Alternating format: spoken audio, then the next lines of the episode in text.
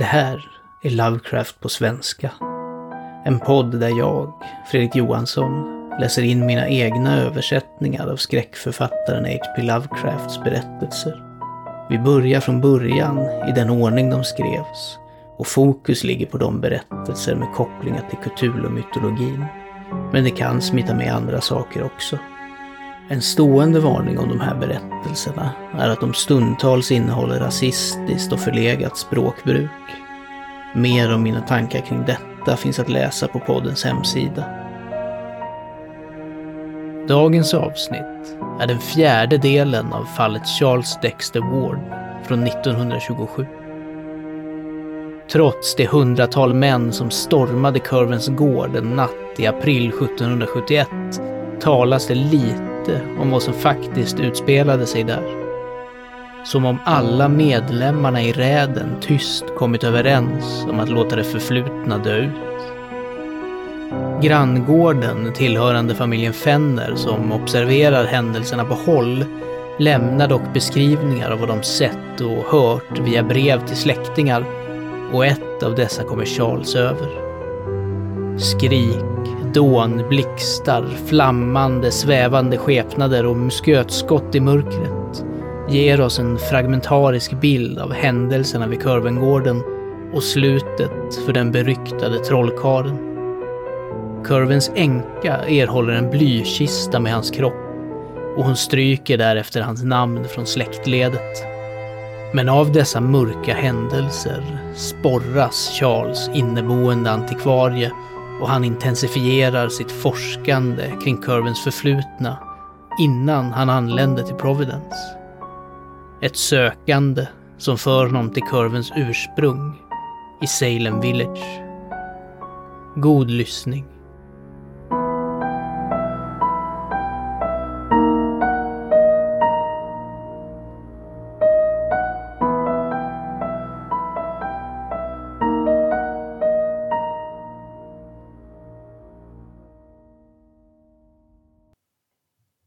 Fallet Charles Dexter Ward Del 4 Kapitel 3 Ett sökande och ett framkallande. 1 Charles Ward, som vi har sett, lärde sig först 1918 om sin härkomst från Joseph Curven. Att han på en gång fick ett intensivt intresse för allt som hörde till det svunna mysteriet det är inte att undra på. För varje vagt rykte som han hade hört om kurven blev nu något vitalt för honom själv, i vilken kurvens blod flödade. Ingen livlig eller fantasifull släktforskare kunde ha gjort något annat än att genast påbörja en ivrig och systematisk insamling av kurvendata. Hans första utforskningar gjordes det inte det minsta försök till att hemlighålla så att även Dr. Lyman tvekar till att datera ungdomens galenskap från någon period innan slutet av 1919. Han pratade fritt med sin familj, även om hans mor inte var särskilt nöjd med att ha en förfader som Curven, och med tjänstemännen på de olika museer och bibliotek han besökte. När han ansökte hos privata familjer om dokument som troddes vara i deras ägo dolde han inte sin avsikt och delade den något roade skepsis med vilken de dagboksförfattarnas och brevskrivarnas berättelser betraktades. Han uttryckte ofta en stark undran över vad som verkligen hade hänt ett och ett halvt sekel tidigare på den där gården i Pautaxet, vars plats han förgäves försökte hitta, och vad Joseph Curven verkligen hade varit. När han kom över Smiths dagbok och arkiv och stötte på brevet från Jebediah Orn beslutade han sig för att besöka Salem och leta upp kurvens tidigare aktiviteter och kopplingar där, vilket han gjorde under påsklovet 1919. Vid Essex Institute, som var väl känt för honom från tidigare vistelser i den glamorösa gamla staden med sönderfallande puritanska gavlar och hopträngda mansardtak, blev han vänligt mottagen och grävde fram en ansenlig mängd kurvendata. Han fann att hans förfader föddes i Salem Village, nu Danvers, sju miles från staden, den 18 februari GS 1662-3 och att han hade rymt till sjöss vid en ålder på 15 år och inte visat sig igen på nio år när han återvände med talet, klädseln och uppförandet av en infödd engelsman och bosatte sig i faktiska Salem. Vid den här tiden hade han lite att göra med sin familj, utan spenderade större delen av sina timmar med de underliga böcker han hade tagit med från Europa och de märkliga kemikalier vilka kom till honom med fartyg från England, Frankrike och Holland. Vissa av hans resor in i landet var föremål för stor lokal nyfikenhet och var viskande associerat med vaga rykten om eldar på kullarna under natten. Curvens enda nära vänner hade varit en Edward Hutchinson från Salem Village och en Simon Orn från Salem. Med dessa män sågs han i sammankomster runt allmänningen och besök bland dem var på intet sätt ovanliga. Hutchinson hade ett hus långt ut mot skogen och var inte alls omtyckt av känsliga människor på grund av de ljud som hördes därifrån på natten. Han sades hysa märkliga besökare och ljusen som sågs från hans fönster var inte alltid av samma färg.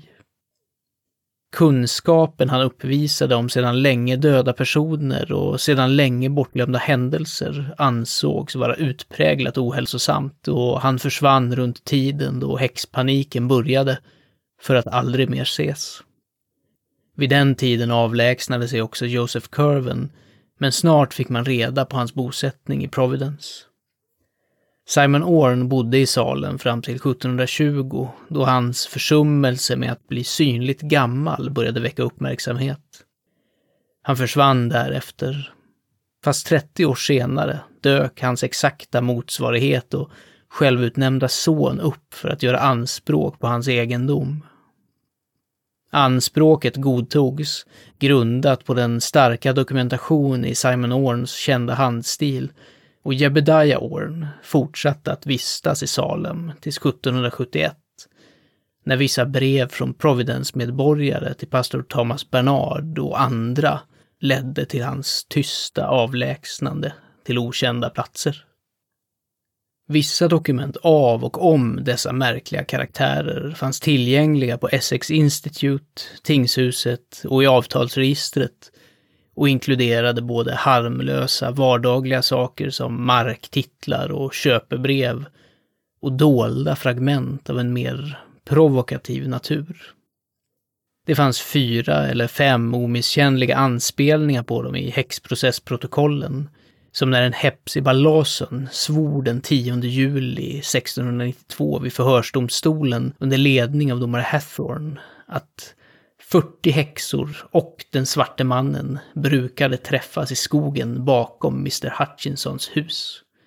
Och en Amity Howe deklarerade vid en session den 8 augusti inför domare Gedney att Mr GB, pastor George Burroughs, på den natten satte djävulsmärket på Bridget S, Jonathan A, Simon O, Deliverance V, Joseph C, Susan P, Methibel C och Deborah B.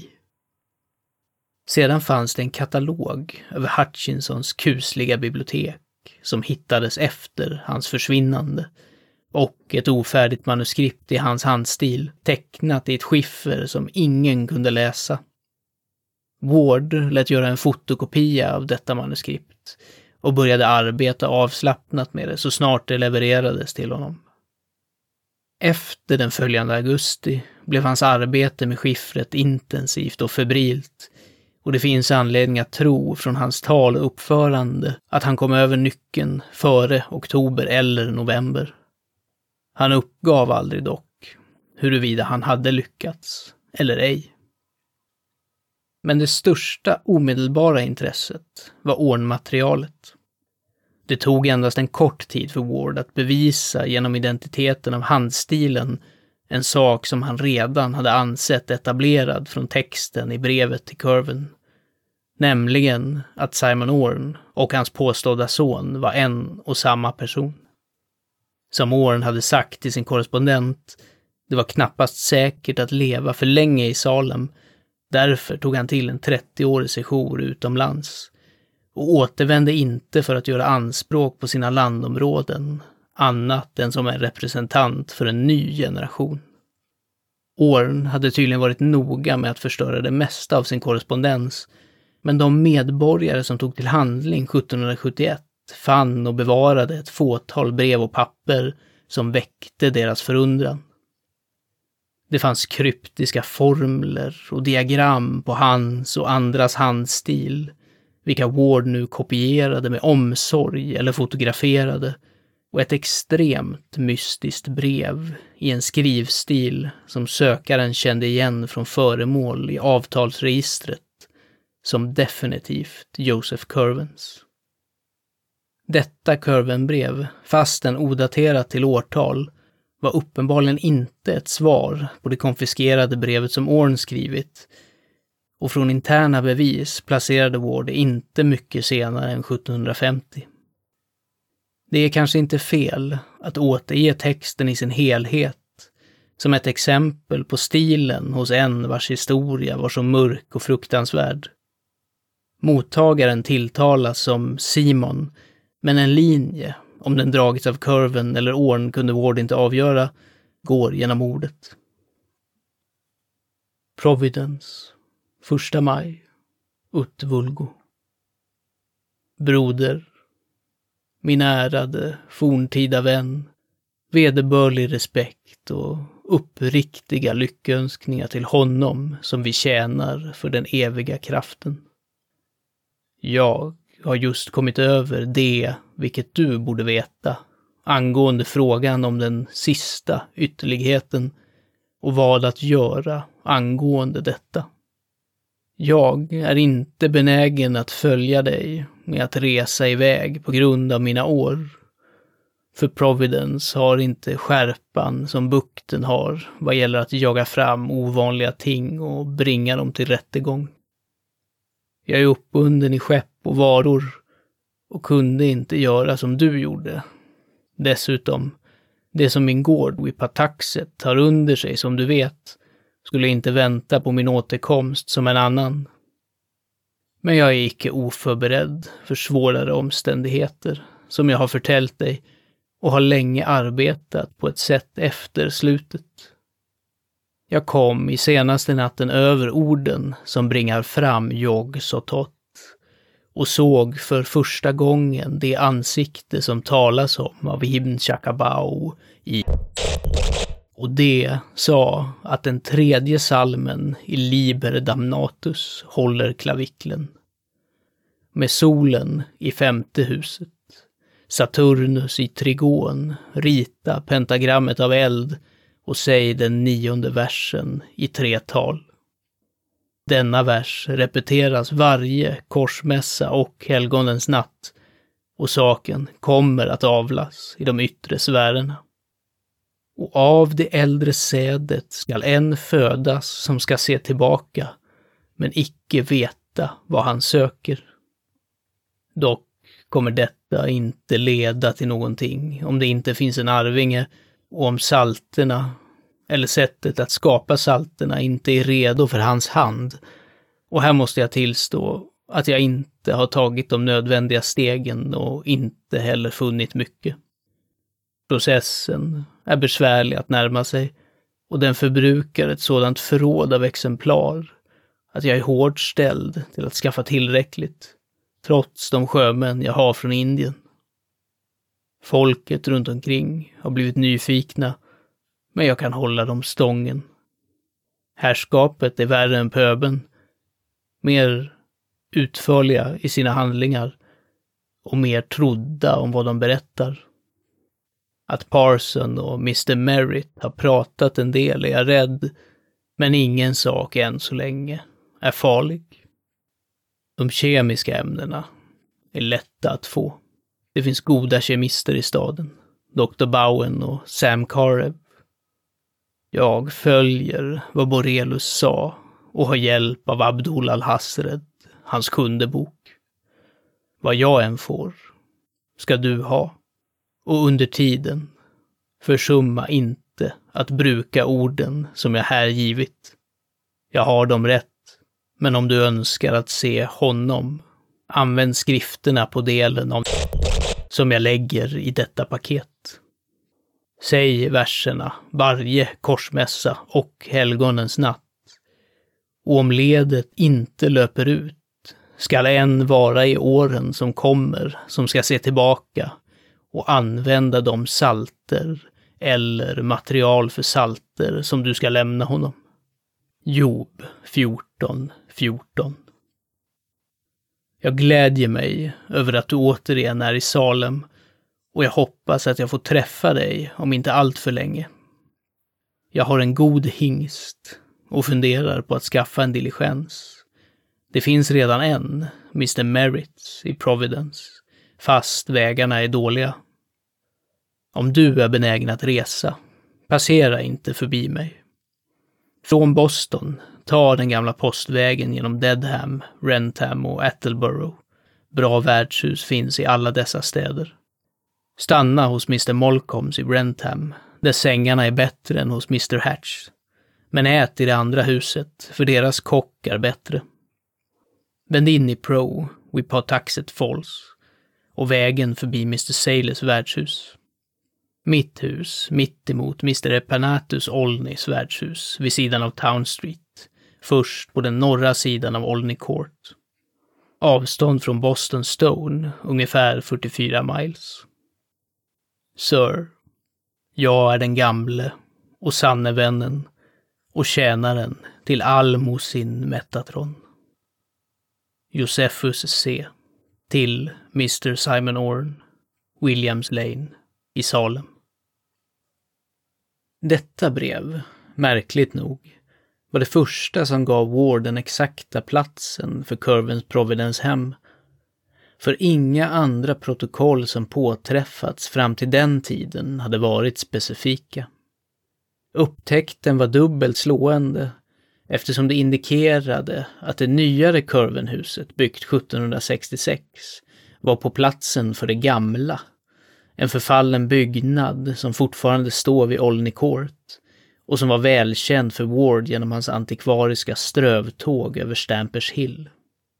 Platsen låg verkligen bara några torg bort från hans eget hem på den stora kullens högre mark och var nu bostad för en negerfamilj, mycket uppskattad för enstaka tvättning, städning och ugnskötseltjänster.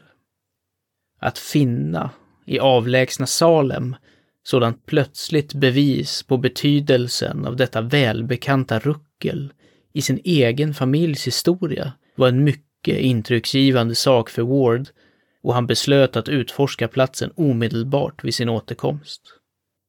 De mer mystiska delarna av brevet, vilka han ansåg vara någon extravagant typ av symbolism, förbryllade honom uppriktigt sagt. Även om han noterade med en spänning av nyfikenhet att det bibliska avsnittet som refererade till Job 14.14 var den välbekanta versen kan en man som dött få liv igen? Då skulle jag hålla ut på min post tills min avlösning kom. 2. Unge Ward kom hem i ett tillstånd av angenäm upphetsning och spenderade följande lördag med en lång och uttömmande studie av huset vid Olney Court. Platsen, nu sönderfallen av ålder, hade aldrig varit en herrgård utan var ett blygsamt två och en halv våningshus i trä av den välbekanta koloniala Providence-typen.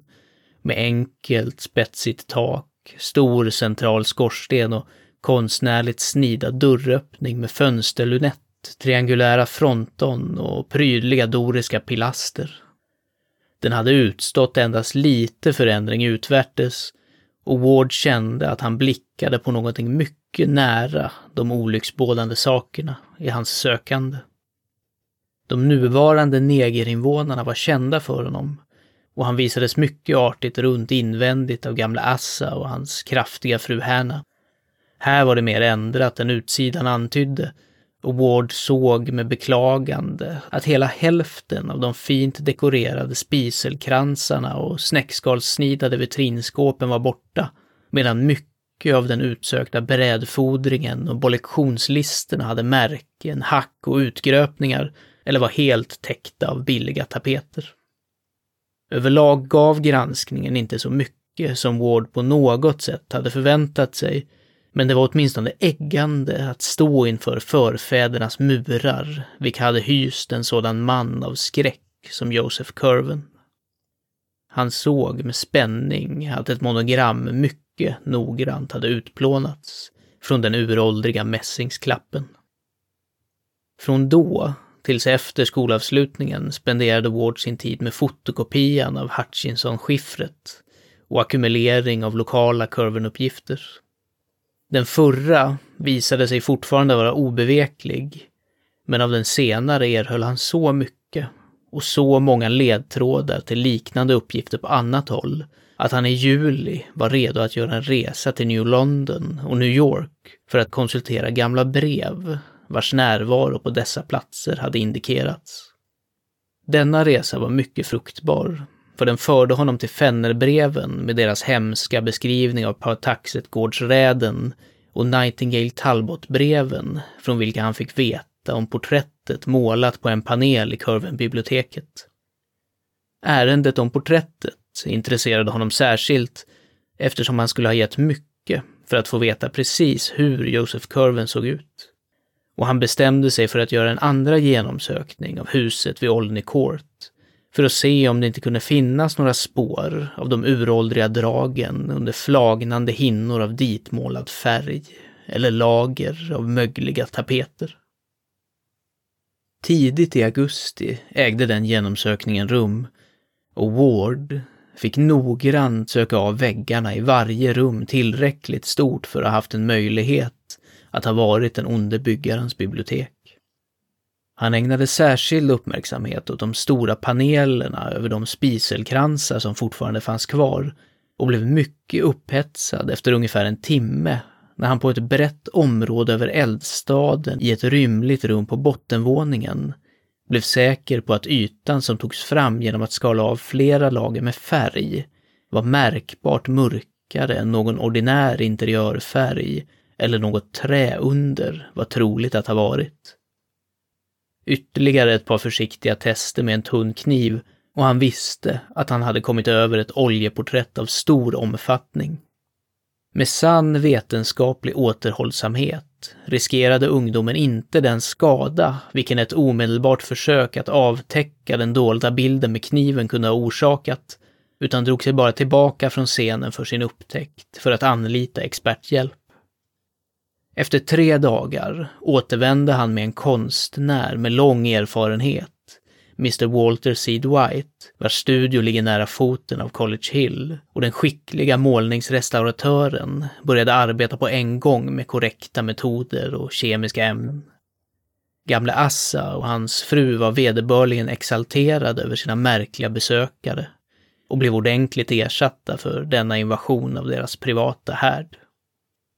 Allt eftersom restaureringsarbetet fortskred dag för dag såg Charles Ward med växande intresse på de linjer och nyanser som gradvis avslöjades efter deras långa glömska.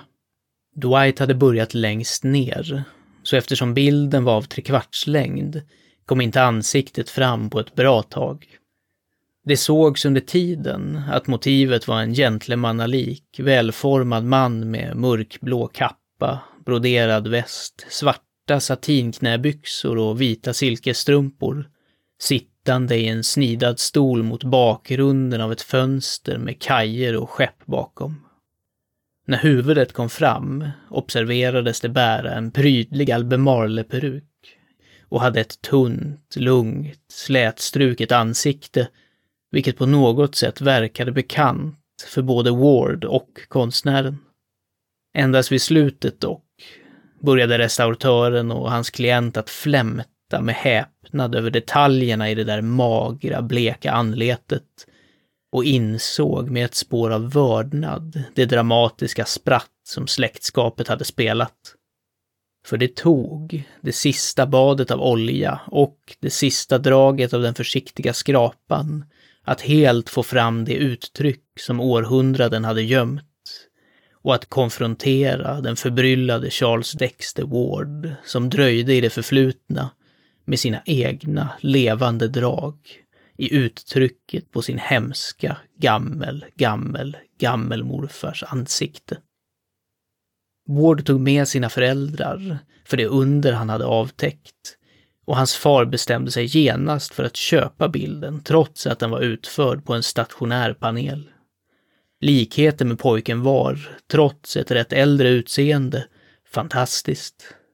Och det kunde ses att genom ett nycker av atavism hade Joseph Curvens fysiska konturer funnit precis duplikation efter ett och ett halvt århundrade. Mrs Wards likhet med sin förfader var inte alls påtaglig, även om hon kunde minnas släktingar som hade några av de ansiktsdragen som delades av hennes son och den svunne kurven.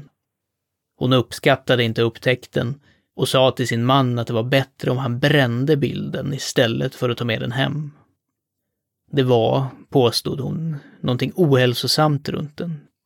Inte bara inneboende utan i själva likheten med Charles. Mr Ward däremot var en praktisk man med makt och affärer. En bomullstillverkare med omfattande bruk vid Riverpoint i Pawtuxet Valley och inte någon som lyssnade på feminina skrupler. Bilden imponerade honom starkt med dess likhet av hans son och han ansåg att pojken förtjänade den som en present. I denna åsikt, eller överflödigt att säga, instämde Charles helhjärtat och några dagar senare lokaliserade Mr Ward ägaren till huset. En liten, gnagarliknande person med en guttural accent och erhöll hela spiselkransen och panelen som bar bilden till ett rättframt fast pris som avbröt den nära förestående strömmen av lismande köpslående. Det återstod nu att ta ner panelen och flytta den till vårdhemmet där åtgärder vidtogs för en grundlig restaurering och montering med en elektrisk skenkamin i Charles arbetsrum eller biblioteket på tredje våningen. Till Charles överläts uppgiften att övervaka denna flytt. Och den 28 augusti åtföljde han två sakkunniga hantverkare från Crooker inredningsfirma till huset vid Olney Court. Spiselkransen och den porträttbärande panelen lossades med stor omsorg och precision för transport i företagets lastbil. Kvar fanns ett utrymme av exponerat tegel som markerade skorstenens gång och i denna observerade den unge Ward en kubisk urtagning, ungefär en fot i kvadrat, som måste ha legat direkt bakom porträttets huvud. Nyfiken på vad ett sådant utrymme kunde betyda eller innehålla närmade sig ungdomen och tittade in och fann under tjocka beläggningar av damm och sot några lösa gulnande papper, en enkel tjock anteckningsbok och ett par möglande textilstrimlor, vilka kan ha utgjort bandet som knöt ihop dem. Han blåste bort huvuddelen av smutsen och askan, tog upp boken och såg på den kraftiga inskriptionen på omslaget. Det var på en handstil, vilken han hade lärt sig att känna igen vid Essex Institute och proklamerade volymen som Journal och anteckningar av Jose Curven, gent av Providence-plantagen, tidigare av Salem. Upprymd till övermått av sin upptäckt visade Ward boken för de två nyfikna hantverkarna bredvid honom. Deras vittnesmål är absolut om fyndets natur och äkthet och Dr. Willett förlitar sig på dem för att fastställa sin teori om att ungdomen inte var galen när han började med sina stora excentriciteter. Alla andra papper var likaledes i kurvens handstil och ett av dem verkade särskilt illavarslande från dess inskription.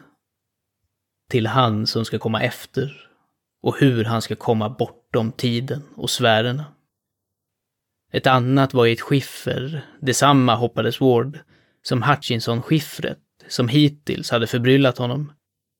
Ett tredje, och här gladde sig sökaren, verkade vara en nyckel till skiffret, medan det fjärde och femte var adresserade till Edv Hutchinson Armiger, respektive Jebediah Orn, Esk, eller till deras arvinge eller arvingar, eller de som representerar dem.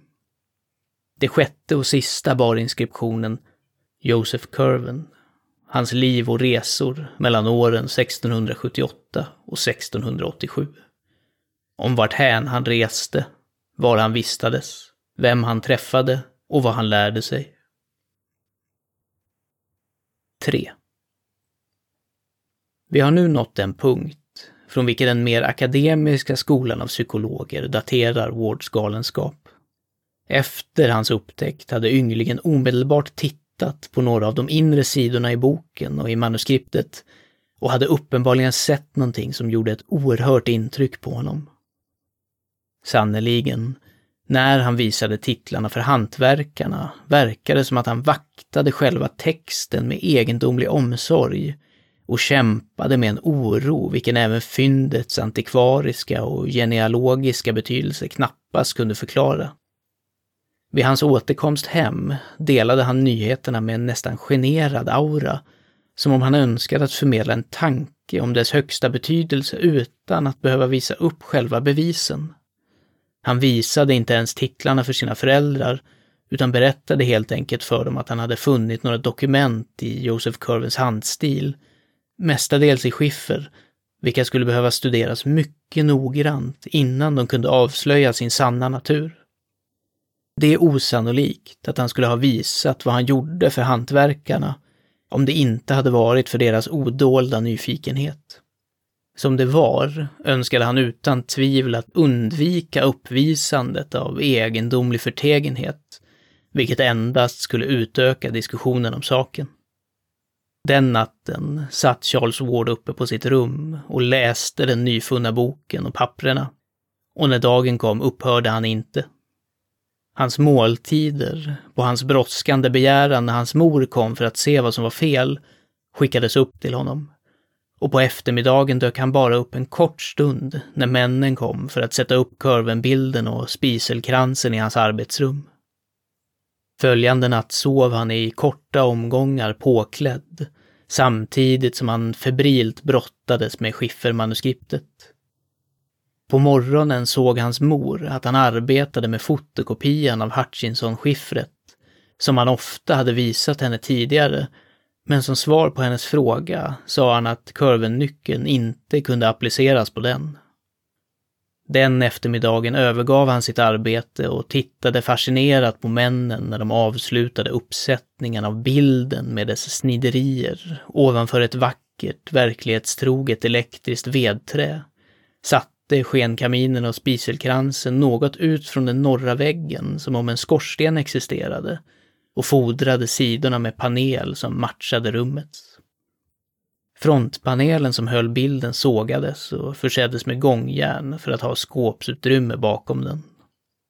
Efter att hantverkaren hade gått flyttade han sitt arbete in i arbetsrummet och satte sig framför den med sina ögon till hälften på skiffret och till hälften på det porträtt som stirrade tillbaka på honom som en årspåläggande och sekelminnande spegel. Hans föräldrar som senare erinrade sig om hans uppförande under denna period, ger intressanta detaljer angående den policy om fördoldhet vilken han praktiserade. För tjänarna gömde han sällan några papper som han kunde studera, eftersom han med rätta antog att kurvens invecklade och arkaiska skrivstil skulle vara för mycket för dem. Mot sina föräldrar däremot var han mer vaksam och om inte manuskriptet i fråga var ett skiffer eller endast en massa kryptiska symboler och okända ideografer, som den med titeln Till han som ska komma efter, etc. verkade vara, täckte han det med några lättillgängliga papper tills hans besökare hade avlägsnat sig. På natten förvarade han papperna under lås och bom i sitt antika skåp, där han också placerade dem när helst han lämnade rummet. Han återupptog snart ganska regelbundna timmar och vanor, förutom att hans långa promenader och andra intressen utomhus tycktes upphöra.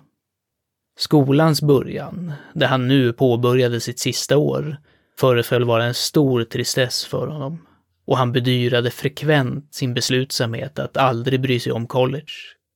Han hade, sa han, viktiga specialundersökningar att göra, vilka skulle förse honom med fler vägar till kunskap och humaniora än något universitet i världen kunde stoltsera med.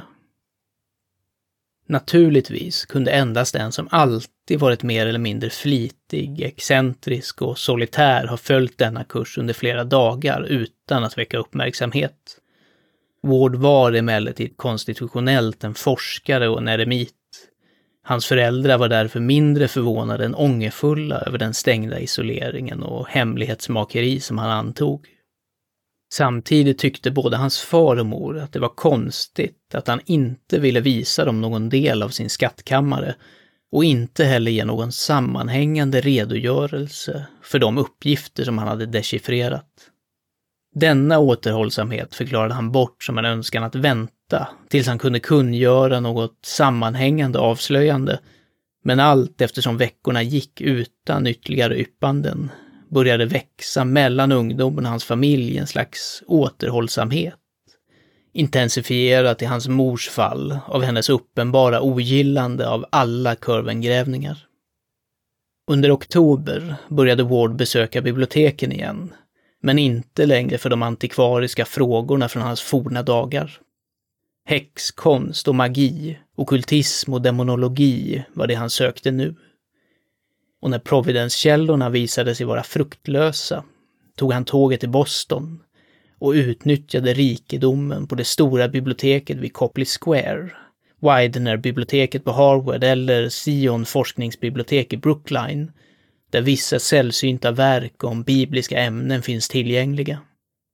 Han gjorde betydande inköp och satte upp ytterligare en uppsättning hyllor i sitt arbetsrum för nyförvärvade verk om besynliga ämnen medan han under jullovet gjorde en runda med resor utanför staden, inklusive en till Salem för att konsultera vissa register vid Essex Institute. Ungefär i mitten av januari 1920 trädde det in ett element av triumf i Wards hållning, vilket han inte förklarade. Och man fann honom inte längre arbeta på Hutchinson-skiffret. Istället påbörjade han dubbla handahavanden av kemisk efterforskning och dokumentavsökning, satte upp för den första ett laboratorium i den oanvända vinden i huset och påbörjade jakten för det senare av alla källor med viktig statistik i Providence. Lokala handlare av läkemedel och vetenskapliga förnödenheter, som senare förhördes, gav förvånansvärt märkliga och meningslösa kataloger över de substanser och instrument han köpte. Men tjänstemännen vid Statehouse och de olika biblioteken enades alla om det bestämda syftet för hans andra intresse. Han sökte, intensivt och febrilt, efter Joseph Curvens grav, från vars gravplatta en äldre generation så klokt hade utplånat namnet. Så småningom växte det hos familjen Ward övertygelsen om att någonting var fel. Charles hade haft nycker och förändringar i mindre intressen tidigare, men detta växande hemlighetsmakeri och absorption i undliga sysslor var olikt även honom. Hans skolarbete tog obetydligt anspråk och även om han inte misslyckades med något prov kunde det ses att den gamla tillämpningen helt hade försvunnit. Han hade andra engagemang nu. Och när han inte var i sitt nya laboratorium med ett tjog föråldrade alkemistiska böcker kunde han hittas antingen hängande över gamla begravningsprotokoll i stadscentret eller klistrad vid sina volymer om okult lärdom i sitt arbetsrum där de skrämmande, man föreställer sig nästan ökande, liknande dragen hos Joseph Curven stirrade intetsägande på honom från den stora spiselkransen på den norra väggen. Sent i mars lade Ward till i sin arkivsökning en kuslig serie vandringar genom stadens olika antika begravningsplatser. Orsaken dök upp senare, när man fick veta från stadshusets tjänstemän att han förmodligen hade hittat en viktig ledtråd. Hans sökande hade plötsligt flyttats från Joseph Curvens grav till den av en viss Naptali Field. Och detta skifte förklarades när utredarna, när de gick igenom de filer som han gått igenom, faktiskt fann en fragmentarisk uppteckning om Curvens begravning, vilken hade undkommit den allmänna utplåningen och som angav att den märkliga blykistan hade begravts 10 fot S och 5 fot V om Naftali Fields grav i Avsaknaden av en specifierad begravningsplats i den överlevande anteckningen komplicerade sökandet avsevärt och Naftali Fields grav verkade lika jäckande som Curvens. Men här hade ingen systematisk utsuddning funnits och man kunde rimligen förvänta sig att snubbla över själva stenen även om dess protokoll hade förgåtts. Därav strövtågen, från vilka Sankt Johns, tidigare Kings kyrkogård, och den gamla kongregationsbegravningsplatsen i mitten av Swan Point Cemetery exkluderades eftersom annan statistik hade visat att den enda Naftali Field, dödsannons 1729, vars grav det kunde åsyftas, hade varit en baptist.